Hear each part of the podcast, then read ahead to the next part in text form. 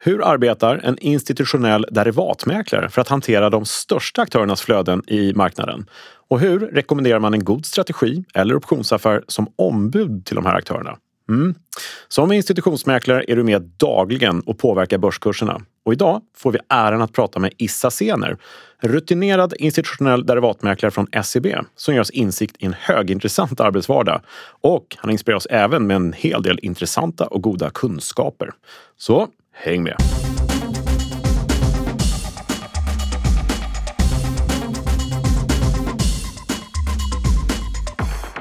Ja, välkommen till Optionspodden. Eller välkommen tillbaka till Optionspodden. Känns som att det finns de som har lyssnat förut. Det här är podden som ger dig kunskaper som ingen privat eller professionell investerare på börsen bör vara utan. Det här är börsens hela verktygslåda och de alternativ och möjligheter vi har i aktiemarknaden som ger oss stora och många fördelar. Mitt namn, Kalle Björkegren. Och bredvid mig idag har jag, vem då? Thomas Bernholm. Från Nasdaq. Inte rakt över alltså, den är bredvid idag. Nej, mm. det är Smile Studios har som vanligt tagit väl hand om oss här initialt när vi sitter och spelar in. Men vi sitter i en ny studio då, så det känns stort. Mm. Uh. Och en viss ommöblering också för att vi har en gäst med oss. Just det, det har vi ju. Som du redan har påannonserat. Yes. Ja, det ska bli otroligt intressant. Issa Sener från SE-banken. Mm. Mm. Ska berätta för oss hur en arbetsvardag ser ut på mäklarsidan. Som, eh, ja, eh, han är rutinerad, varit med länge och ja. har mycket att berätta. Det ska bli spännande. Verkligen. Eh, ja, hur är läget annars då? Nej men det är bra ja. och jag tänkte nästan fråga dig detsamma. Mm. Ja, det är bra. Ja, det är väldigt och, bra. Och det jag skulle fråga också, kommer du säga nu att det är all time high på börsen igen? Så, eller? ja. det, det, brukar du säga nämligen. Ja, eh, det är fler som påpekar det. Eh, inte att jag brukar säga det, men att eh, nu är det all time high igen. Ja. Men eh, jag skulle vilja faktiskt utveckla det där till att säga att all time high, det börjar bli tråkigt att säga. Ja, det är, du får byta ut det. Ja, ja, men det är faktiskt all time high även i oklarhet på börsen. Okay. Inte i osäkerhet, för det är något annat när man tror att det ska gå ner, utan oklarhet. Mm. Eh, och med det menar jag eh, en allt tydligare eh, ska säga, indikation på att man vet inte, och mer oklart än någonsin, var det faktiskt ska ta vägen. För allt för eh, ofta får man ju höra att nu kommer korrigeringen och mm. nu kommer den. Och så mm. fort det går ner, alltså vi menar en procent kanske, ja då kommer den, nu kommer den och då mm. börjar det bli skakigt sådär. Men börsen repar sig och kommer ständigt tillbaka. Så vad ska vi göra? Vilket ben ska vi stå på egentligen? Och vad kan man göra? Mm. Så det har vi behandlat lite grann. Och eh, innan vi ger oss i kast här med eh, vår gäst idag så kan vi faktiskt prata lite grann om det. Vad är det som är lämpligt att göra när oklarheten, eller ska vi kalla det för osäkerhet då, om det ska fortsätta upp? Det känns ju som att man vill satsa all likviditet på sina innehav och satsa på 30 i uppgång. Ja, det känns ju lite osäkert. Mm. Ja, det, det... Med all respekt, ja. gör det ju. Men ska man oroa sig för den så här jättestora nedgången? Mm, det börjar bli jobbigt att positionera sig för det då, mm. tycker många. Men då finns det ju eh, call spread och put spread som har diskuterat mycket sista veckan. Ja, precis. Mm. Eh, så jag tänkte bara nämna det. Eh, det kan man titta på om man undrar lite grann. Man vill vara med i marknaden. Eh, spelar inte så stor roll om man är håsad eller bäsad. Eh, men om man tror på den här kanske lite mindre kraftiga uppgången, nedgången. För det tenderar till att hovra lite grann så här. Mm. Olika innehav, olika papper och även på index kring vissa nivåer. Då. Och köper vi en kol, vad har vi möjlighet till då? Jo, men då tjänar vi på en uppgång. Eh, men köper vi, eh, köper vi en kolspread, så jag köper en kol och säljer en annan kol lite högre upp, då betalar vi mindre, får in pengar för det där högre lösenpriset vi har sålt. Eh, då betalar vi lite mindre och vi har också typ kappat då, som man säger, uppsidan. Vi tjänar inte lika mycket på uppsidan. Men å andra sidan så rör det sig inte så mycket just nu. Nej, men precis. Så det, kanske kan Nej, det är väl en optimering om man tror på en begränsad uppgång, om vi inte satsar för mycket, tar inte mm. för mycket risk. Och sen också Nej. att man kanske är, man ska inte säga långsiktig, men man kan behålla positionen tid i alla fall. Ja, det kan för man. Den kommer mer till sin rätt när man närmar sig förfall, mm. som jag pratade om tidigare. Och så där. Så, ja. så det, det är värt att, att, ta upp igen. Ja, men det är det. Ja. Och det vi har varit inne på också sista tiden, höll jag på att säga, sista avsnitten och så, det är att eh, vi kommer in på det strax, volatilitetsnivåerna, mm. risken i marknaden är ju ganska låg och eh, optionspremien är ganska låg, det vill säga billiga optioner. Mm. Så att köpa en kol eller putt i sig är ju faktiskt ganska attraktivt på index åtminstone. Mm. Sen är det olika i respektive aktier. Då. Men då blir det ju än mer attraktivt kanske att göra en call spread eller put spread. För då blir det i premier kronor och räknat lite billigare. Precis. Så det kan vara eh, en strategi som kan vara värd att undersöka om det kan vara någonting. Exakt. Är man med marknaden och man har en solklar riskkontroll i vad man befinner sig om det går åt fel håll så att säga. Mm. Och det känns som att det är där behoven är just nu. Lite grann, att känna att man är safe. Precis. Mm.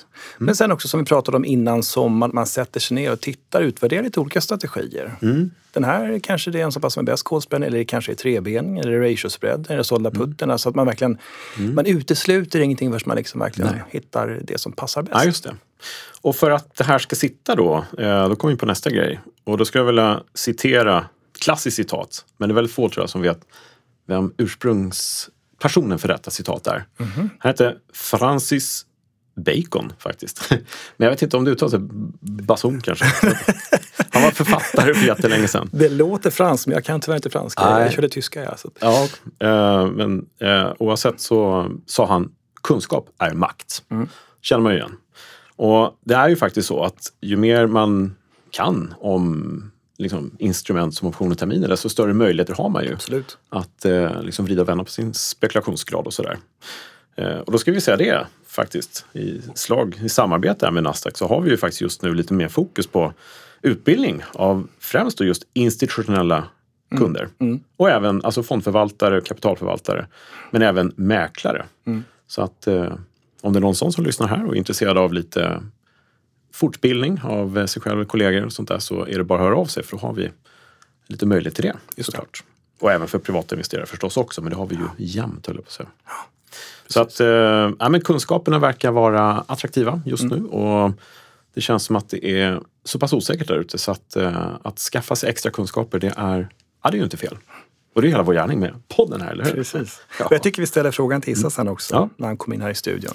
Ja. hur, om de utbildar och sådär. Det ska vi göra. Vi ska också prata om kunder. Alltså det vida begreppet kunder i finansmarknaden. Vad ja, men, hans kunder gör och hur de påverkar faktiskt börskurserna som vi andra får leva med. Så. Spännande.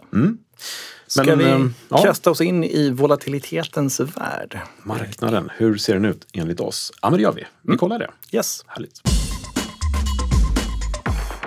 Jaha, Kalle, vad säger du då om läget på börsen? Hur ser det ut? Ja, det ser ut som det brukar.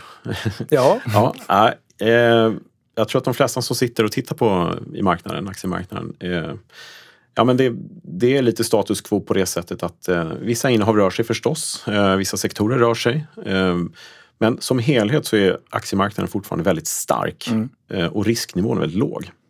VIX-index brukar vi titta på eh, och den ligger på 15, 94, nästan 16 då. och vad hade vi för två veckor sedan, förra avsnittet? Mm, då hade vi en bit upp vid 17 ungefär. Lite, lite högre, någon punkt. Eh, vilket är, alltså inte betydelselöst, men det är inga stora rörelser. Nej. Vi har haft eh, sen ja, men, sensommaren ett hack uppåt här, över 20 på VIX. Vi hade lite sån här, eh, ska vi kalla det för lite lätt oro i marknaden. Så där, det kom en liten säljgrad och då ökade också eh, artiklarna såg jag i media och frågorna kom in om är det här nu det ska ner? Ska korrigeringen börja? Yes. Eh, Det visade sig att det var inte riktigt så. Marknaden lugnade ner sig. Det har kommit upp, eh, framförallt i USA, är det nya rekordnivåer på Nasdaq och sådär. Eh, Så att risknivån som sådan, det som aktiemäklare renodlat ser, är låg. Men vi har ju annan information, vi som tittar på optionspremium och de som skyddar sig på nedsidan med hjälp av puttar. Vi tittar även på SKEW-index. Och den är fortsatt väldigt hög. Som ligger på 158. Och eh, det är en ja, 5-6 punkter upp från eh, eh, förra gången vi tittade på den. Den låg på 153. Här är poängen då att allt över 140 är egentligen ganska hög nivå. Just det. Och de här nivåerna som har stabiliserats kring över 150, det vill säga dyra puttar på nedsidan, eh, ja, det är, är ovanligt. Så att man är alltså beredd fortsatt att betala dyrt för skydd på nedsidan om den här korrektionen, korrektionen kommer neråt. Och i relativa termer då ja. I relativa termer, precis. Så att det här är någonting eh, att eh, ja, fortsatt hålla koll på förstås. Och eh, kan jag så det lilla fröet? Jag har ju en liten... Jag har ju kontakt med mina amerikanska kompisar och de, där ti- tittar de ju väldigt mycket på volatiliteten på VIX-index. Alltså vollen på vollen så att säga. Just det. Hur och den rör sig. här. Ja, och jämför de här två. Och det här är ett mått som man också kan ta med sig. Det är lite nördnivå, men om man tar upp det på sin börsskärm då har man ytterligare ett mått. Men det ska vi återkomma till. Ja, och alltså, om jag får gissa mm. så tror jag att du har det snart på en liten tablå här så att vi pratar om det. Men jag får mm. gissa. Vi får se om jag har rätt. Vi får se. Vi får se. Men det finns mycket att orda om. Man kan verkligen få, eh, om man tänker sig psykologiska termer. Ja. Hur funkar eh, liksom de stora aktörerna? Hur, vad händer in i huvudet på dem? Mm. När är de villiga att ta risk? Eh, och då finns det de här fem orden. Vet du vilka de fem orden är? Det här är helt off. De fem orden som alla traders frågar sig själv varje dag. Vet du vilka det är? Det är hur mycket kan jag förlora? ja, det är sant. Okay. Ja. ja. Och det är det enda som är intressant egentligen. Hur mycket kan jag förlora på min affär? Och det här avspeglas då i risknivåer, volatilitet, så kan man hålla på så här jättelänge. Ja. Men vi hjälper till med att samla det här och så ska vi visa nästa mått här framöver. Så okay. har vi lite extra eh, ja, men, mått att ta del av som inte de andra vanliga aktiehandlare känner till. Bra Kalle! Mm. Det låter spännande. Ja. Eh, och sen eh, aktierna i vår egen marknad, OMX-indexaktierna. Eh, där kan vi bara konstatera att eh, eh vollen på OMX-index är låg, fortsatt väldigt låg. Eh, den har tappat ett par, tre punkter sen vi såg sist. Eh, är på 12 procent just nu. och ja, det är mer eller mindre edge-löst. Det händer inte så mycket på index. Mm. Så. Det är billig premium, är det. Eh, den kan man hålla utkik på. Är man intresserad av att köpa puttar på index så är det bra läge för det. Eh, sen så har vi några aktier som sticker ut då, som vanligt som Evolution Gaming, 38% implicit val. Fast den rör på sig väldigt mycket, inte så jättemärkligt. Kinnevik annars, eh, på uppsidan ganska dyr premium. Boliden likaså. Mm. så här volatilitet naturligt där. I det bolaget menar jag. Och sen så har vi Telia då som är på botten här, jätte orörlig enligt marknadens mm. sätt att värdera risken där. Så att eh, vi ska inte orda för mycket om det här utan vi utvecklar det på optionsbloggen.se och så lägger vi ut där så kan man gå in och titta själv i de innehav man har. Hur ser vollen ut? Vad har vi för edge och så vidare så har man kanske lite hjälp på vägen i sina beslutsförfaranden. Fint. Mm. Så att eh, eh, med det sagt har vi lite koll på marknaden, det har alltså inte hänt så jättemycket. Eh, men ska vi ta och ta in Issa? Det tycker jag absolut. Och se hur eh, läget är på desken. Ja, spännande. Ja, gör vi det? Ja. Ja, då säger vi eh, varmt välkommen Issa Sener från SE-banken. Stort tack. Ja, välkommen. Ja, tack så trevligt att ha dig här. Ja, detsamma. Tack kul, för inbjudan. Ja. Tack. Hörru, du, eh, du jobbar ju på SEB idag. Men mm. kan du inte berätta lite om dig själv och hur du kom i kontakt med en aktie och optionsmarknaden från början? Ja, jag började ju hålla på med aktier relativt tidigt. Mm. Eh, nian, första, andra året på gymnasiet kom jag i kontakt Sådär, lite grann med aktier. Mm. Ja. Eh, och fick upp ett ganska starkt intresse tidigt. Och när jag väl började på universitetet så satt vi mycket i börsrummet. Mm. Och då fastnar man ju där ganska mycket och kom i kontakt med likasinnade människor med de intressena. Så att mm. Eh, det intresset kom relativt tidigt i alla fall. Då. Ja, det är bra. Så att mm. eh, redan där bestämde jag mig för att försöka komma in på något sätt i finansmarknaden mm. och jobba med aktier. Kul. Mm. Börjar vi i skolbänken kan man säga? Eller? Ja, ja. verkligen. Vi börjar i god tid. Just mm. och, och, var började du? Vad, vad blev det första liksom? Första jobbet var då var jag, jag handlade mycket med Matteus som fanns på den tiden, en ja, fondkommissionär. Mm. Mm. Och den äh, mäklaren jag hade på den tiden äh, erbjöd mig ett jobb efter skolan okay. som trainee.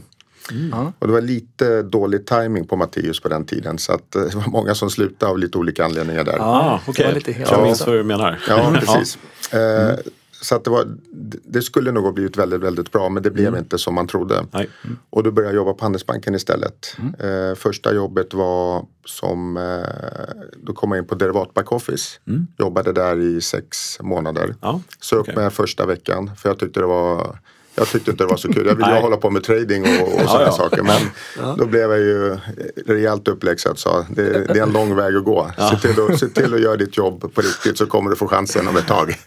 och där blev jag kvar i sju år totalt på Handelsbanken faktiskt. Okay, och flyttades upp efter ett tag, blev tradingassistent och så kom jag in på lite olika struktavdelningar och, och sales så småningom faktiskt. Mm. Skulle säga att det var en ganska vanlig eh, sån här, börja på backoffice liksom. Och, eh. Vä väldigt vanlig men framförallt väldigt bra miljö att vara i när mm. man kommer in eh, ja, på aktiemarknaden. Mm. För att du lär dig grunderna, du lär dig räkna, du lär dig hur formlerna fungerar, mm. du går lite olika kurser och du lär dig liksom hur det här systemet, kedjan från, från det att en order Precis. läggs till settlement-biten ja. är klar. Väldigt, väldigt bra och rekommenderas starkt om man har det intresset. Ja, helt enig. Man får verkligen mm. koll på kedjan ja, av affären liksom, från start. Liksom. Ja, och det tycker jag att jag har nytta av det även idag, trots att jag jobbar ganska många år i mm. branschen. Då. Ja, precis. Sitter i, ja. Och nu är du alltså institutionell derivatmäklare. Kan man, är det din titel man ska säga? Är det så du, eller? Ja, det är det väl om man ska följa någon typ av praxis. Ja. Så mm. kan man väl säga, på engelska blir det ju equity derivative sales. På svenska ja. blir det väl ungefär motsvarande som du sa. Då. Ja. Och eh, sen är ju inte jobbet i sig själv bara det utan man handlar ju lite aktier, jag handlar lite ETFer och, mm. Mm och, och, lite sånt också. Så ja. det är inte strikt optioner och terminer bara utan Nej. det är lite runt omkring ja, precis. förstås. Det finns en underliggande marknad också. Ja, precis. Ja. När tippade du över så att säga mot derivat? För... Det var tidigt. Det, var, det blev ju nästan så per automatik när jag kom in på Handelsbanken på derivat backoffice ja. och fick upp intresset och lärde känna den gruppen som uh, höll på med strukturerade produkter på Handelsbanken som var väldigt, väldigt stor på den tiden. Extremt mm. stor även internationellt sett. Ja, ja. Mm. Uh, och fick hänga med dem när de hade lite utbildningar på vardagar och jag satt med dem och så vidare. Så det är, man kan säga att intresset kom ju direkt när jag började på arbetsmarknaden. Mm. mm. Ja, uh, kul. Men optioner som instrument, vad var det som fick dig att fastna för det och sådär? Om du skulle... Alltså, jag tycker ju optioner liksom, det, det, är så pass flexibel produkt mm. och som du har så stor man kan få så bra exponering på ett enkelt sätt. Så om man kan optioner på ett bra sätt så det går att utnyttja till både ta på risk och exponering och reducera risk, eh, ja. liksom risker i portföljer och sånt där. Så att, mm. eh, jag tycker det är ett väldigt, väldigt bra instrument för alla egentligen.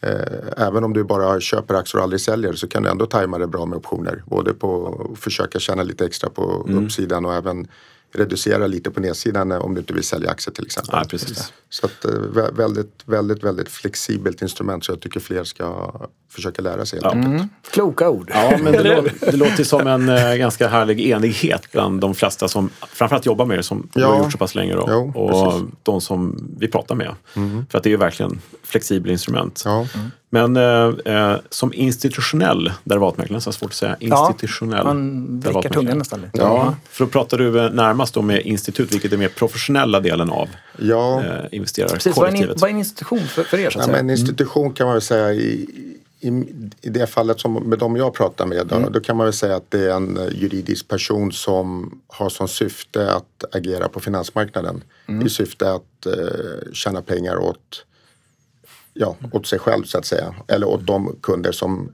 har investerat i, det bolaget eller vad det nu är så att ja. säga. Ja.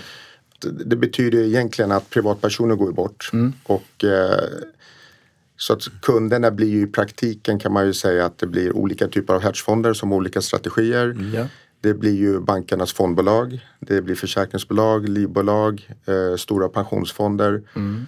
Och, och, gemensamt för alla de här är ju egentligen att de har ju väldigt, väldigt mycket kapital under förvaltning. Ja. De som har minst av de kunder jag har, det, väl, det finns en del mindre hedgefonder och en del mindre stiftelser. Men annars är det ju väldigt stora pengar liksom inblandat mm. hela tiden. Mm. Eh, och de måste ju ta stora bets eller handla för stora volymer för att det ska få en påverkan på deras resultat kan man säga också. Ja, Så att alla affärer är ganska stora ja. eller väldigt stora. Mm. Och påverkar börsen också? ja, precis. Mm. Eh, till och från så handlar jag för väldigt stora volymer åt kunder. Mm.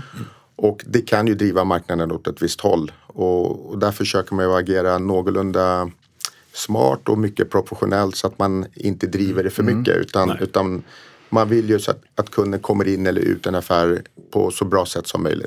Ja, och där har man lite olika strategier för hur man gör så att säga. Mm. Och det förklarar ju nästan också en, vilken press du har på dig, eller press, man säger vilken eh, eh tuff uppgift det kan vara. Viktig funktion. Ja, ja verkligen. Ja. Nej, men man kan också säga så här att man utvärderas alltid av kunden efter sin sista trade. Indirekt. Sen, sen är inte det avgörande men, men de glömmer fort men kommer mm. ihåg mycket också. Så, ja. att, så, att, man har en väldig press på sig att eh, handla bra och komma med bra idéer och, ja. och framförallt eh, ska man inte ta bets som man tycker är korkade. För ja, det, det, är ganska stor nedsida på det för mig själv. Ja. Eh, kunderna är nöjda om jag handlar bättre än snittet mm. Och, och, då är de relativt nöjda eller mot sina benchmarks som man brukar säga. Att de utvärderas ja. mot en viss tid eller ja. ett, en viss nivå så att säga. Ja. Mm. Får du eh, även eh, hålla koll på USA-börsen fram till tio på kvällen för kunders räkning? Eller? Inte, inte jag specifikt faktiskt. Nej. Jag handlar nästan uteslutande för svenska institutioner. Ja och en del Londonkunder. Mm. Mm. Och, och, då brukar vi egentligen stänga igen runt halv sex ja, kan man väl säga. Ja, sen ja. hänger man ju med, det gör ju alla som jobbar med det här. Att är det. Man är uppdaterad nästan dygnet runt ja, jag säga. Men, men, inte för kunders räkning så. Nej. Men eh, det som man kan få eh, höra ibland att ja, det är så stressigt att jobba med börsen, tycker inte du det? Har man fått höra genom alla år. Sådär. Mm. stressigt yrke och grejer. Men eh, din roll, eh, kanske definierar det lite grann? Sådär. Det ja, alltså, jag kan säga så här periodvis är det extremt eh, stressigt på alla mm. möjliga sätt. Mm. Man ställer ju krav på sig själv, man ställer krav på omgivningen. Mm. Det kan bli mm. ganska högljutt i ett handlarrum. Ja. Det kan bli en del ord som inte alltid, som inte alltid är lämpliga. Precis, passar en podd.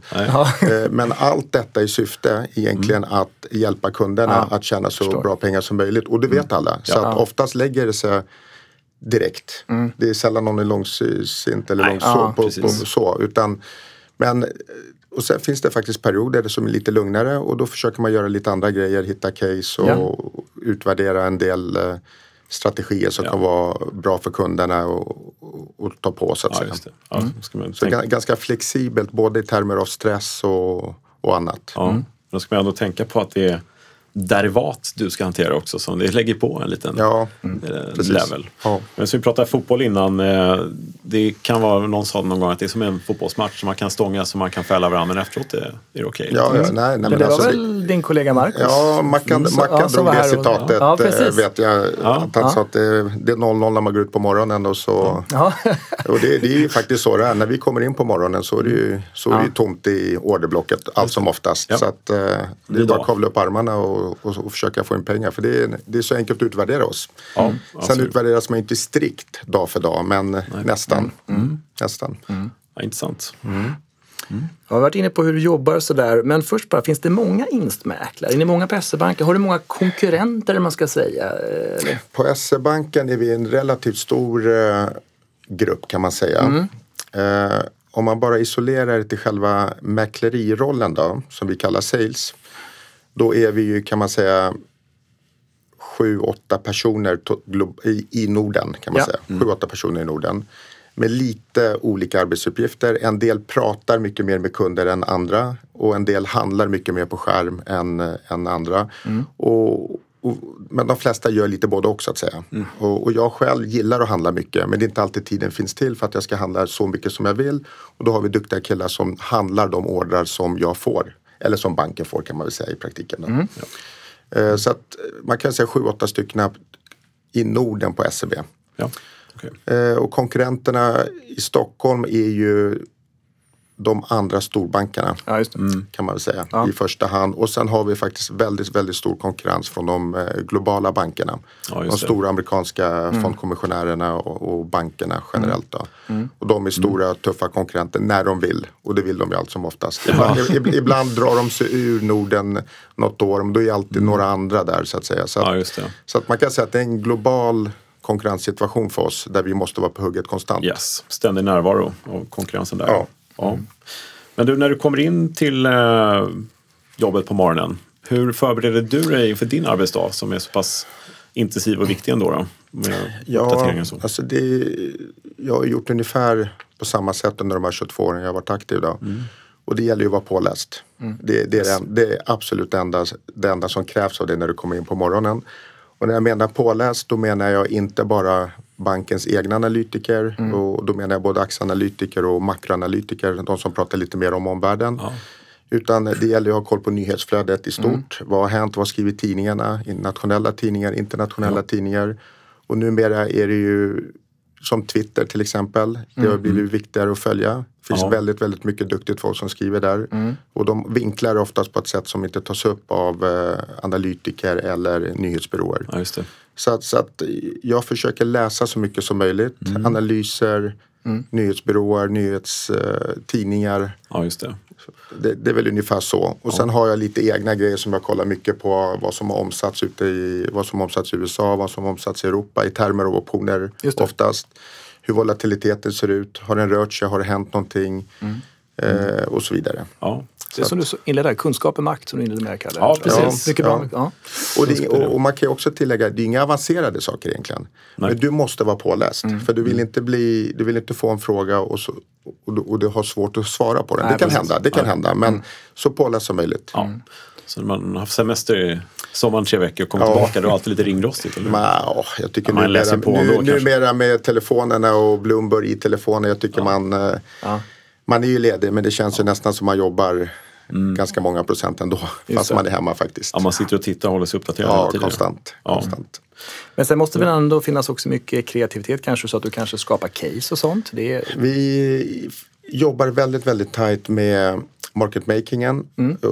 Eller tradingen som vi också kan kalla det. Mm. Där vi skapar case tillsammans. Ja. Ofta så skapar jag case som eh, tradingen kan vara, vad ska man säga, det ska, det ska inte gynna tradingen men det ska vara enkelt för tradingen att ställa mm. ett visst pris mm. och en viss volym till mm. kunder som eventuellt nappar på det här caset ja. kan man säga. Okay. För det är svårt för mig att göra ett case och så frågar tradingen, ja men det här passar inte alls. Nej. Jag ligger kort eller långt här, jag kan inte mm. sälja mer sånt här eller köpa Nej. mer sånt här. Utan vi jobbar väldigt, väldigt tajt ihop. Jag mm. tycker vi lite mer på SE-banken än vad vi gjort på andra ställen faktiskt. Ja. Och, och det har funkat bra. Det är alltid det finns alltid en liten inbyggd konflikt mellan trading och, och sales. Mm. Man har lite egna intressen sådär. Men jag tycker vi har gjort det väldigt, väldigt bra faktiskt. Ja. Man ska eh, tycka till. Mm. Ja, det är kul att höra. Det var mm. faktiskt någonting som jag funderar på. Uh, för det är ju lite klassiskt sådär. Man har suttit i marknaden så att det är trading, sales. Ja. Alltså sales vill gärna se jättebra ut för kunderna och göra det bästa för dem. Precis. Trading har ju sin risk att ta hand om och sådär. Så ja. det blir en naturlig liten det, eh. det, den finns, det, det finns en, någon typ av uh, intressekonflikt mm. per automatik kan mm. man väl säga. Ja. Men jag tycker med åren, så som jag har jobbat. Mm. Uh, jag har i och för sig alltid försökt jobba nära tradingen för att jag tror att det gynnar både kunderna och mm. uh, mig själv på lång sikt. Men jag tycker den har blivit ännu bättre med åren. Ja. Och så som marknaden har utvecklats med färre antal market makers och mm. det är svårare att lasta av risk på andra. Ja för, för en trading som får på sig risk. Då tycker jag att det är mycket, mycket viktigare nu att jobba närmare tradingen. Så sales och trading tycker jag jobbar väldigt bra ja. faktiskt. Mm. Men sen som du är inne på Issa också, det kan bli en win-win situation. Om det är så att trading vill köpa någonting till exempel ja. och eh, de misstänker att du har en kund som kanske är säljare. Mm. Så, så är båda glada, eller hur? Båda blir jättenöjda ja. och, det, och det har inte alltid med riktningen att göra. Det kan Nej. vara att någon tror Ericsson ska upp till himlen. Mm. Och, och, men det tror inte, och, och för tradingen spelar ingen roll utan det är bara ett volatilitetsspel Exakt. för dem. Så, att, så att mm, i många fall när vi gör case så antingen är jag nöjd med eh, om tradingen är neutral på affären mm. eller så tror man att kunden kommer tjäna mycket pengar samtidigt som tradingen också tjänar mycket pengar mm. fast mm. de egentligen har motsatta positioner. Mm. Ja, just det. Så, att, så att, eh, på det sättet så försöker vi liksom maximera för båda i det fall det går. Just det. Ja, vi är samma team ändå på något sätt. Vi är samma team, det är samma arbetsgivare mm. och så, vi sitter på samma ställe så att, ja. så är det ju. Brukar kunden ofta vara åt samma håll måste jag fråga? Jag tror vi ställer frågan till Marcus också. Ja, så, alltså, ja. Ja, att, svenska, i och med att jag handlar till stor del med svenska institutioner så tycker jag väl egentligen att de flesta har ungefär samma modeller de jobbar efter kan ja. man säga. Och det leder ju i slutändan till att de trades som de efterfrågar ser ungefär likadana ut. Ja. Uh, om man gör det enkelt och pratar om terminer till exempel så är det mycket rebalanseringstrade. Och då har de ju en, ett visst benchmark en viss tidpunkt, till exempel 16.00 eller på stängning 17.30. Mm. Och då, då oftast är de flödena åt samma håll.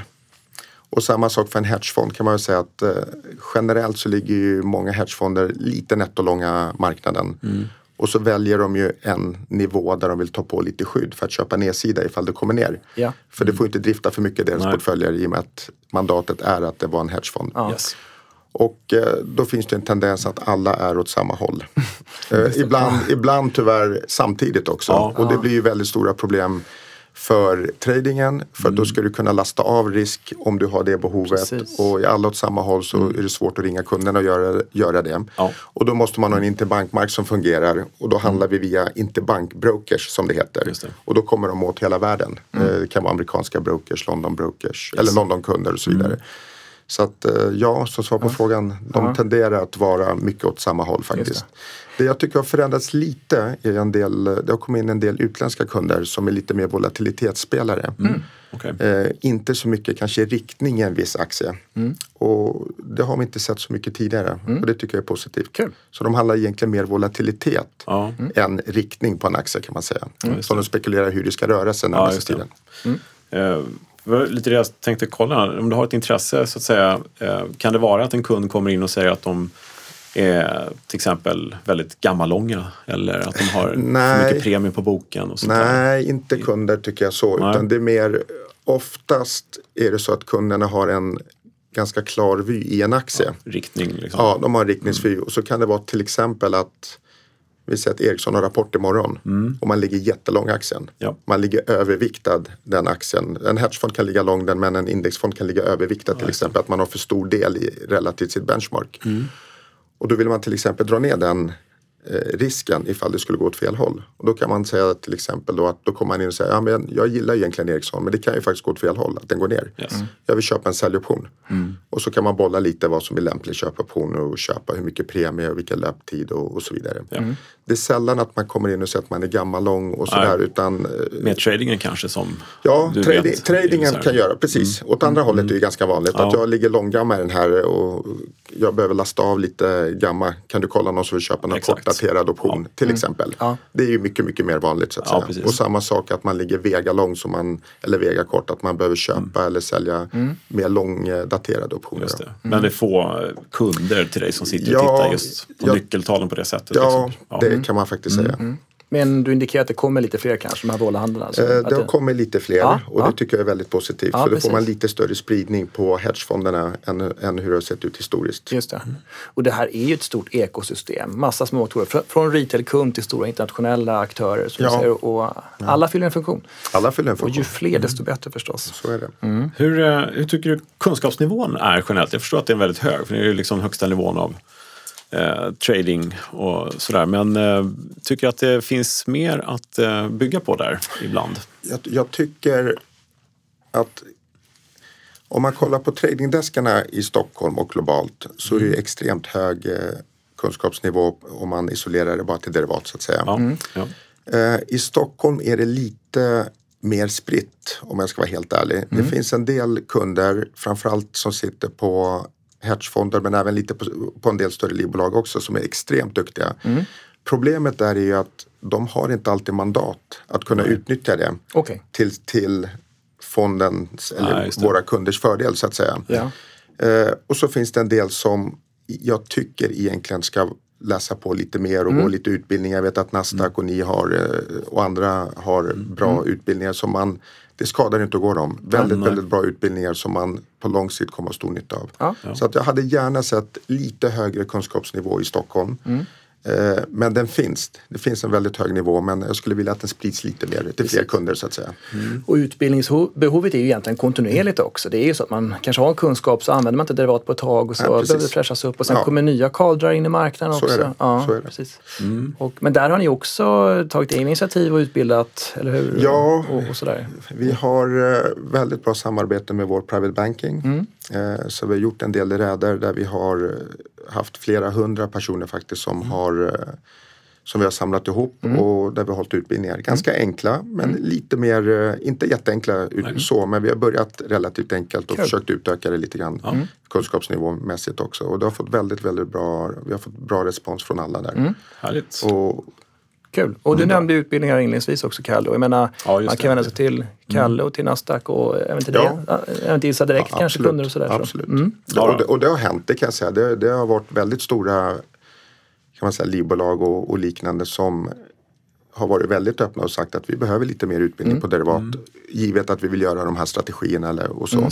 Och det är inga konstigheter. Nej, då, går, då, går vi upp och sätter oss ett par gånger och förklarar. Och ofta ska man inte göra det för avancerat till en början Nej. utan man ska komma in mm. i, i optionsteorin och hur det funkar, ja. hur det slår. Mm. Och väldigt, väldigt bra respons de gånger vi gjort det faktiskt. Det. Ja, nej, men det är jättebra att höra. Vi mm. ska ju se till att det finns uh, möjlighet till fortbildning Precis. i de här ja. instrumenten. Sen är det knepigare att komma förbi med mandat då förstås, där, när inte mandatet finns. Då. Mm. Men, men... Det är, oftast är det ju mandat och i en del fall är det ju faktiskt systemen som inte ah, klarar ja. att hantera eh, icke-linjära produkter kan man ah, säga. Okay. Optioner är ju mer dynamiskt eh, på alla möjliga sätt. Så att, Mm. Det är lite system men, och, men framförallt mandata kan man säga. Mm. Men kan det även vara så att det kommer in en ny kund kanske, du pratar med en kund som hade mycket aktier, så kan det vara så att du vägleder dem systemmässigt också? Det här borde ni titta på eh, kanske? Ja, det har vi gjort ja. genom alla år. Just det. Det, det. är inte så lätt att få, få dem att byta Nej, system. Jag kan förstår, säga. det är en stor grej såklart. ja. Alltså. Ja. Mm. Så att oftast har det varit lite hands-on eh, pålägg kan man säga på, mm. på de firmor som inte har kunnat byta system. Att man har kört ett Excel-ark. Mm. Och, och, det tycker de är ganska krångligt. Mm. De, de få kunder som ja, har det problemet. Det. Mm. Nu om vi kommer bara lite till uh, själva liksom agerandet på börsen och sådär. Och det som har hänt tidigare och så. Hur var i korta drag coronaraset hos er? Hur, var det för dig för ett år sedan? Det gick ner 12 procent på en dag. Ja, det var otroligt faktiskt. Jag, jag kan säga, jag tycker själv att jag har väldigt hög arbetskapacitet och, och har jobbat i 22 år med det här och, och, mm. och sådär. Men förra våren, det var, det var det mest extrema som jag har varit med om ända sedan 99. Eh, och då har, då har vi ändå sett Liman och, ja. lite andra större 9-11 och, och någon, jag kommer ihåg någon tunnelbanebombning i London ja, som också var extrem och sådär. Men, men det, här, det som var extremt med just förra året det var, det var att det var intensivt i nästan 4-5 veckor. Ja. Mm. Varenda dag var Oj. alltså nonstop från eh, öppning mm. till stängning. Och vi satt ju till halv åtta, åtta. Jag, vill, jag gick igenom varenda affär. Ja. Inte bara jag, hela vårt team. Vi gick igenom ja. varenda affär. För att med så, så extrema rörelser, mm. gör vi något fel? Mm. Det, kan, det kan ju slå så pass mycket ja, i och med att det är eh, terminer som är underliggande. Det blir så stora pengar. Ja, visst. Så det var faktiskt en tid, en period där vi nästan tänkte tacka nej till affärer. Inte för att vi gjorde fel, nej. för att vi inte hann. Nej. Vi hade inte kontroll på om vi hade Oj, gjort rätt. Aha. Så mycket var det. Så för hög eh, osäkerhet? Liksom. Ja, nästan. Mm. Det, det, blev aldrig så för jag har svårt att tacka nej till affärer. men, men, men vi var inte, ja, precis. Ja, men det, var, det var inte långt ifrån kan jag säga. Så det var en jobbig period. Väldigt, väldigt jobbig. Eh, peppar, peppar så gick det bra. Ja, vi, bra jobbat. Ja, det var väl hela teamet eh, jobbade hundraprocentigt under den ja. perioden faktiskt. Mm. Så det, var, det var kul också. De flesta tycker det är kul att jobba när det är mycket. Ja. Men där var det nästan för mycket. Nästan, inte riktigt. Mm. Ja. Nästan för mycket faktiskt. Och det så länge? Alltså fyra, fem veckor. Ja. Vi, vi, hade en del eh, som inte hade jobbat så länge. Och det var ju första gången de jobbade under den här typen av eh, press kan man säga. Mm. Väldigt lärorikt. Mm. Väldigt lärorikt. Mm. Kanske fått igen det tiden efteråt här mer eller mindre bara gått upp hela tiden. Ja, det, har faktiskt, det, jo, jo, nej, men det är ju lite sanning i det där. Det, det, har ju nästan vänt och blivit för lugnt. Ja, precis. Eh, Ingen jag, balans alls. Liksom. Nej, och jag har ju fått nej. den där frågan. Hur kan det vara så mycket för ett år sedan och nu är det så här lite? Ja. Det borde ju finnas någon typ av eh, liksom, balans däremellan. Ja, Men oftast är det faktiskt så här under de stora kriser som har varit under de här åren som jag har jobbat. Mm. Det är alltid mycket under själva krisen och perioden efter. Ja. Sen dör det ut. Mm. Folk mm. eh, agerar inte lika mycket på, via optioner. Eh, man tar lite mindre risker generellt i portföljerna. Man lägger sig närmare index så att säga. Mm. Eh, man kan rotera lite mellan olika sektorer i aktier och ta det lite lugnare för att kanske bara andas lite. Ja, så att jag tror, eh, givet det jag sett tidigare, så det kommer komma tillbaka till en eh, normal nivå. Eh, om, mm. Eller faktiskt så tror jag att det kommer bli ännu bättre i framtiden. Mm. Ja, jag tror det. Jag tycker, jag tycker jag ser in, större intresse från många privatpersoner nu mm. att handla optioner. Och jag tror att på sikt kommer det där slå över totalt hela marknaden också ja. så att eh, även institutionella handeln kommer öka. Kul. Ja, mm. Det är bara en gissning men jag tror att det blir så. Mm. Jag tänkte faktiskt fråga lite grann om du ser trender just nu och sådär också. Och det, det, här är kanske något i den trenden då? Att jo, ser att, ja. det, det, tycker jag att det är. Ja. Framförallt ser vi det i USA där privatpersoner mm. har ju handlat som, som bara den mm. i optionsmarknaden.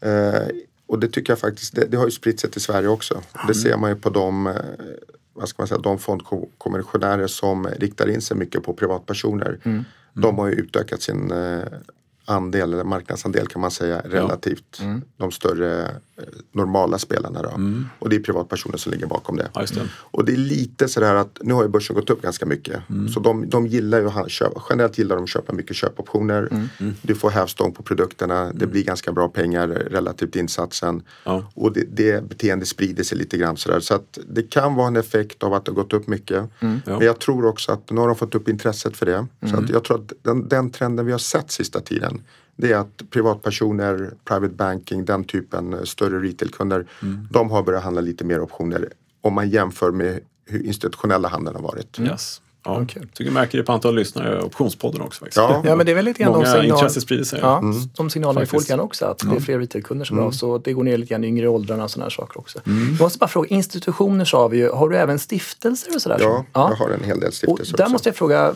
både jag och Kalle har ju varit instmäklare också. Sådär. Det var en ja. hel del stiftelser på den tiden som brukade göra covered calls till exempel för att få en premie och kunna dela ut. Ja, det finns. Det, det ja. ja. precis. Så det måste vara förnämligt. Det är jätteförnämligt. Det, det de gör är ju att om de ställer ut calls, mm. då räknas det som en utdelning i deras modell. Just det. Och de pengarna är fria att dela ut.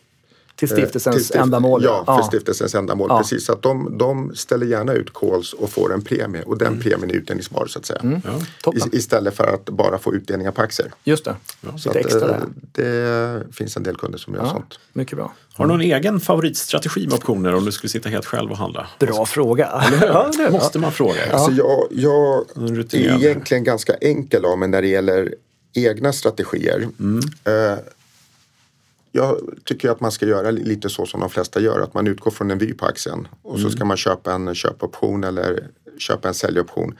Men det jag tycker man har lärt sig under alla de här åren är att man ska göra det i termer av spreadar. Mm. Så att om man, köp, om man gillar en option eller en aktie och ska mm. köpa en köpoption mm. Då tycker jag kanske att i många fall att man hellre ska göra det som en call som det heter. Att du mm. köper en option, köpoption och så mm. säljer du en option ännu högre upp för att komma in billigare i själva den strukturen. Mm. Och så samma sätt om man ska göra det på nedsidan då, att man köper en put spread som det Just heter. Det. Att man köper en en säljoption och så ja. säljer man lite längre ner. För då, du, stäng, du, du får inte lika mycket betalt om du får jätterätt så att säga. Mm. Men du kommer in i en strategi mycket billigare generellt ja. sett. Och riskerar mycket mindre. Ja. Nu kommer ju alla tro att vi har pratat ihop oss innan. Initialt innan du kom in här så nämnde vi call-spread, put-spread som en ganska bra strategi. Vi skrattar lite. Ja, precis. Så det, det är lite, lite kul faktiskt. Sen, sen tycker jag faktiskt att den här gamla hedliga strategin att man eh, ställer calls på innehav. Mm. Den ska inte underskattas Nej. Eh, i många. I, det beror på lite hur voller och sådär ser ut. Om, man, mm. om det är värt, det är inte alltid. Mm. Men om man, är lite, om man har mycket aktier, man kan ställa mm. calls eh, ganska löpande mm. en bit upp.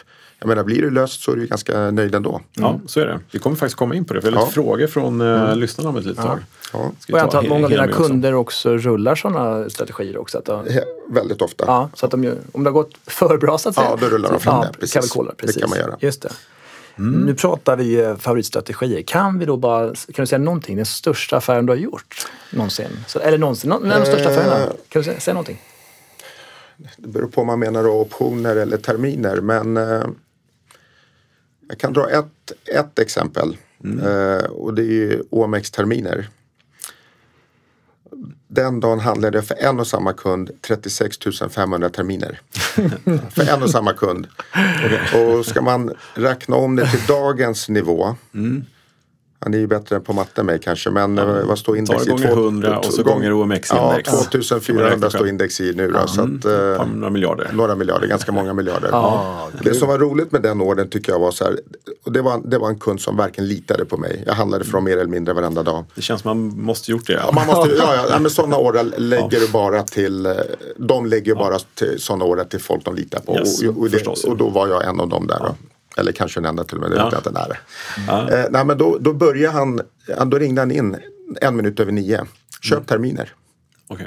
Ja, mm. hur mycket ska jag köpa? Några tusen bara. ja. Ska, ja. OMX-termin, jag måste ju upprepa det, det är så mycket pengar ja, så att blir det fel. Ja, ja. men då, då, köper jag två, tre, fyra tusen terminer. Mm. Är det okej? Okay? Ja, det är okej. Okay. Jag ringer sen, klick. Mm. Och så höll vi på till klockan ett. Och så, efter klockan ett sa han så här, jag har ett benchmark och det är på stängning idag. Totalt 36 500 terminer ska in. Se till att handla bättre än vad, vad börsen stänger 17.25 eller 17.30. Det beror på. Det är en viss press när bara halva dagen är kvar. Jo, men samtidigt är det så här att det är en jättepress och mm. det var en stökig dag. Mm. Är det en lugn dag så är det inga problem Nej. med den volymen för du kan, då har du väldigt mycket ja. impact normalt mm. sett. Men det var en riktigt stökig dag. Och det såg ju fantastiskt ut till en början. Ja, just det. Och när USA började så tokföll börsen och jag låg, jag tror jag låg 20 kronor efter. Mm. Och, det, och, och, samtidigt så att det är mm. svårt för mig att parera det, det går ju inte. Nej, hur ska man göra det? Det går ju inte. Nej, men, men, börsen vände och jag tror vi hamnade 12-13 kronor mm. bättre. Mm, ja, det är hur bra som helst. Ah, ah. Sen är det, jag kan säga i ärlighetens namn, det är inte, man försöker göra ah. det så smart som möjligt. Mm. Men stökiga dagar, det är ju man måste ha en strategi, men det är lite tur också ja, förstås. Lite, liksom. precis, så är det. Så det, det, är väl kanske den största enskilda outright-affären i terminer. Alltså att man bara är åt ett håll. Sen har man haft större mm. order än så när man pratar rullar. Men det, det, är en annan typ av risk. Ja, det är häftigt. Störst hittills. Störst hittills, det kan bli större, precis. Mm. ja, vi eh, ska väl runda av lite grann här alldeles strax. Vi mm. ska sitta och prata hela dagen. Ja, eller hur. Massa. Verkligen. Men mm. eh, en viktig fråga bara tänkte jag också. Mm. Om man ska bli kund hos er, ni ombesörjer allting och det är även alltså, privatkunder som kan liksom börja handla optioner hos er? Och, och... Ja då, absolut. Mm. Eh, privatkunder går ju via eh, vår private banking desk förstås. Mm. Mm. Eh, sen har vi en del större private banking-kunder som vi slussar över till vår desk. Just det. Det är lättare för dem att prata med oss givet deras volym kan man säga. Mm. Så att det går ju. Nu gör SE-banken en jättesatsning mm. på private banking så förhoppningsvis så, så kommer det bli tillkomma en del kunder och mm. det blir lite mer fokus mm. på, på det från bankens sida. Då. Och vad det, gäller, vad det gäller institutionella kunder så har vi ju i princip avtal med alla, vi handlar med ja. alla. Men, men eh, det är klart, det är ett samtal ifrån och så ordnar ja. vi allting. Ja. Det är så, kommer en ny kund och ringer dig så fixar ni allting? Jag fixar allting. Ja, precis. Jag, säger, jag vill börja handla och så ser jag till att allt fixas ja, via de kontakter som finns på banken. Just det. Du Isa, slutligen eh, så här, eh, måste vi ställa frågan. Vad tror du eller SEB om börsen framöver? Jag, jag, tror att jag är lite mer negativ än eh, vad banken är mm. på, på kort sikt. Eh, däremot är jag inte jättenegativ utan jag har lite samma vy som banken på så. Mm. Och det är väl det gamla vanliga att det ska upp lite grann. Ja. Eh, eh, det känns, jag var lite, faktiskt lite mer negativ för några månader sedan än vad jag är mm. nu konstigt nog trots att börsen har dragit. Mm. Men det känns inte som att eh, det känns som att räntorna kommer ligga kvar på extremt låga mm. nivåer. Och eh, det känns som att Fed och andra riksbanker och centralbanker finns där för att mm. stötta mm. även om man nu har börjat prata lite grann om tapering och sådär. Mm, ja. mm. Så att jag är väl på marginalen med, mindre positiv än vad SE-banken är mm. som helhet. Det är bara min egen personliga vy. Ja. Däremot skulle jag handla optioner nu så skulle jag nog handla kanske lite mer säljoptioner för att jag tror att risk, det, det kan komma någonting och då mm. blir ju farten på nedsidan betydligt större än vad det liksom, det kommer gå snabbare ner än vad det kommer ja. gå upp tror jag. Ja, så att det beror på lite vilket instrument du använder och sådär. Ja. Men kunderna generellt, gör de mycket sådana kodspreadar och putsbreddar? Som... Ja, jag tycker att uh, putsbreddar gör de ju väldigt mycket. Mm. Och det har tycker jag ökat med åren också. Uh, och det tycker jag är positivt för alla för det underlättar lite vår riskhantering. Mm. Uh, och de kommer in billigare i sin skyddsstrategi kan man väl säga. Då. Mm. mm. Ja, toppen. Se vad tänkte jag? Jag tänkte bara säga så här. Mm. jag hörde talas om någonting som hette Issa-effekten. Issa Just det, det måste vi ju ta faktiskt. jag vet ungefär vad det är. Välkänt i finansmarknaden. Ja, det vet jag inte. Men... Ja. Nej, men om man, i korta ordalag, det är väl egentligen så att när du var mellan eh, jobb så att säga, eller du hade gått från en bank till en annan så att det kan hända någonting så upphörde ganska mycket derivathandel. Det var ungefär så jag tolkar det i alla fall. Stämmer det eller? Kan stämma. Ja. Kan stämma. så det märktes faktiskt i marknaden att du ja. var på plats. Det är ju en fjäder i hatten. Ja, det är det. Ja. Kul att du är här. Tack så mycket. Dela med dig. Ja, men verkligen. Mm. Superkul. Men du, mm. sitt kvar. Vi ska faktiskt ta lite hinna med lite frågor också som vi har fått in. Mm. Vi får in väldigt mycket frågor. Eh, och det rörde Covered Call den här gången tror jag. Så att vi ska kolla yes. det. Så vi tar väl dem. Så sitt kvar så länge. Ja, Kalle, vad har du fått för frågor den här gången då? Ja, men det har berört lite det vi var inne på nyss. Covered calls. Och eh, den första frågan som kom från Anneli här är helt enkelt tydligt formulerad som Är covered call en riskfylld strategi? Och vad Issa skulle säga nu, är den riskfylld? Eh, inte som jag ser på det, utan du äger ju egentligen aktien mm. och så ställer du en call på det. Ja. Så det som kan hända är egentligen att du säljer bort uppsidan. Över en mm. viss nivå där du har ställt din call. Då. Just, mm. Så att, eh, nej, det är ingen riskfylld strategi nej. givet att du äger aktien. Då. Man har kvar risken i aktien helt enkelt på ja. nedsidan ifall det kommer en vinstvarning ja, eller någonting. Precis. Man sänker sin break-even helt enkelt ja. också. Ja. Men som du säger, alternativkostnaden där liksom går upp mm. mycket så man inte med. Ja. Eh, sen har vi Petter. Och Petter kan vi dela en påläst herre som är duktig på derivat som ställer den här lite kompletterande frågan. Behöver underliggande innehav finnas på kontot tidigare än på lösendagen? Han har vissa fördelar då med innehavet på ett annat konto större delen av tiden om korrektion neråt inträffar. Så då är frågan, eh, om man har eh, sålt en kol, behöver man ha innehavet på lösendagen? Det är egentligen Nasdaq-frågan. Ja, det är, ja. det är nog en säkerhets, ja, eh, en, det, det, är mm. nog en säkerhetsmarginal som börsen ska ha. Jag tror att, jag tror att olika banker agerar lite ja, olika där faktiskt. Mm. Ja, så är det. Jag så tror att eh, är, om du inte har, om du blir löst på din kol och du inte har något innehav, mm. då måste du leverera aktien så kommer helt enkelt ett aktielån på mm. din på. Mm. Ja. Vissa har det så i alla fall. Vissa mm. har det så, det vet jag. Och, och, andra kräver nog det. Det kan nog variera lite från ja, vilket institut man handlar med. Just det, så tipset till Petter är att kolla med din egen mäklare ja, vad precis. som gäller så att Exakt. du är 100% säker. För vi tar ju säkerhetskravet men vi ser ju inte om aktierna finns på medlemmar, alltså på bankens mm. Just det. konton. Och till sist då, det här var du inne på Issa. Eh, sista frågan här som vi hinner med idag. Johan. Nej, men, vad lustigt. Ja, ja förlåt. Ja. ja. Du läste innantill vad det ja, var. Ja, ja. Vad menas med alternativkostnad som ni nämnt i samband med covered call? Mm. Och ja, det är ju helt enkelt man kappar uppsidan. Mm. Ja, man kappar ja. uppsidan precis. Ja. Du, du, du, precis. Ja, om man har gjort en covered call och det blir bud på bolaget, ja då får man ju sälja vid lösenpriset och man får inte ta del av hela. Och det blir då, kan man, jag vet, tycker alltid det låter konstigt att man säger att det är en kostnad, men det blir ju någon sorts man, man kunde gjort en bättre affär på annat håll helt enkelt. Ja, då. så det är en alternativ Precis. kostnad. Jag är ledsen att jag smygläste över din arm här. Nej, ingen fara. Jag skrattade direkt. Det är helt okej. Okay. Bra.